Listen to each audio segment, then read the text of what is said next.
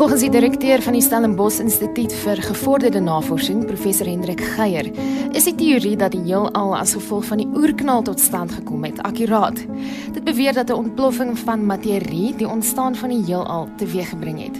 Die algemeen aanvaarde teorie wat hiermee gepaard gaan, beweer dat die materie steeds besig is om deur die ruimte te beweeg en word verklaar deur gebruik te maak van die Hubble-teorie.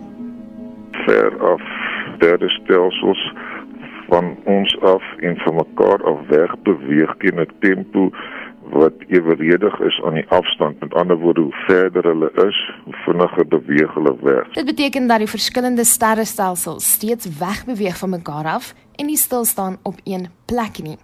Tog los dit nie alle vrae op nie, soos byvoorbeeld die temperatuur in die ruimte.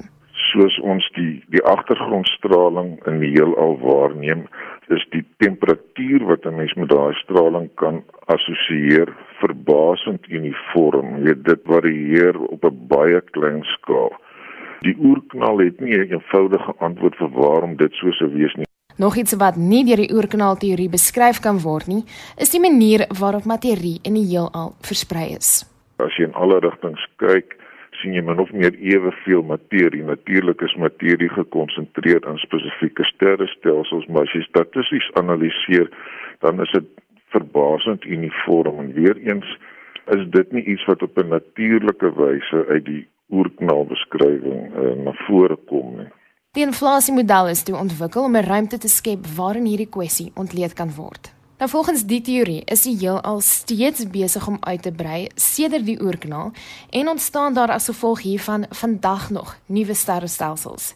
Die groot dryfveer agter Hawking en Hartog se navorsing was juis om te bepaal dat ons heelal uniek is in sy bestaan. Hartle en Hawking het 'n teorie gehad wat bekend gestaan het as die no boundary beskrywing, so geen grense nie wat Hawking en Hertog nou reg kry is om op 'n meer natuurlike wyse 'n teorie tot stand te bring waarin die vroeë heelal tyd nog nie bestaan nie, maar net 'n driedimensionele voorstelling.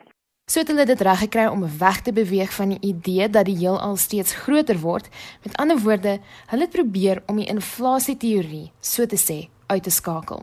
Die idee van die veelal word eintlik op 'n natuurlike manier dan in hulle beskrywing uitgeskakel en hulle beskou dit as 'n baie meer eenvoudige verklaring van 'n enkele heelal waarin 'n mens nog vra kan vra soos waarom spesifieke fisiese groothede die waardes het wat hulle wel het.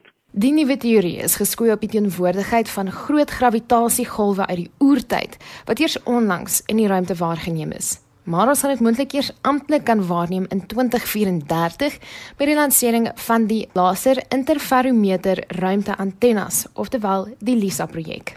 Kom dan daarop neer dat drie ruimtesatelliete elkeen omtrent 2,5 miljoen kilometer uitmekaar uitgeposisioneer sal word dat dit dan 'n ruimtelike kommunikasie sal wees. Daardie opstelling het die potensiaal om gravitasiegolwe wat dan hulle oorsprong in hierdie oer ontstaan het om dit dan uiteindelik te kan waarneem.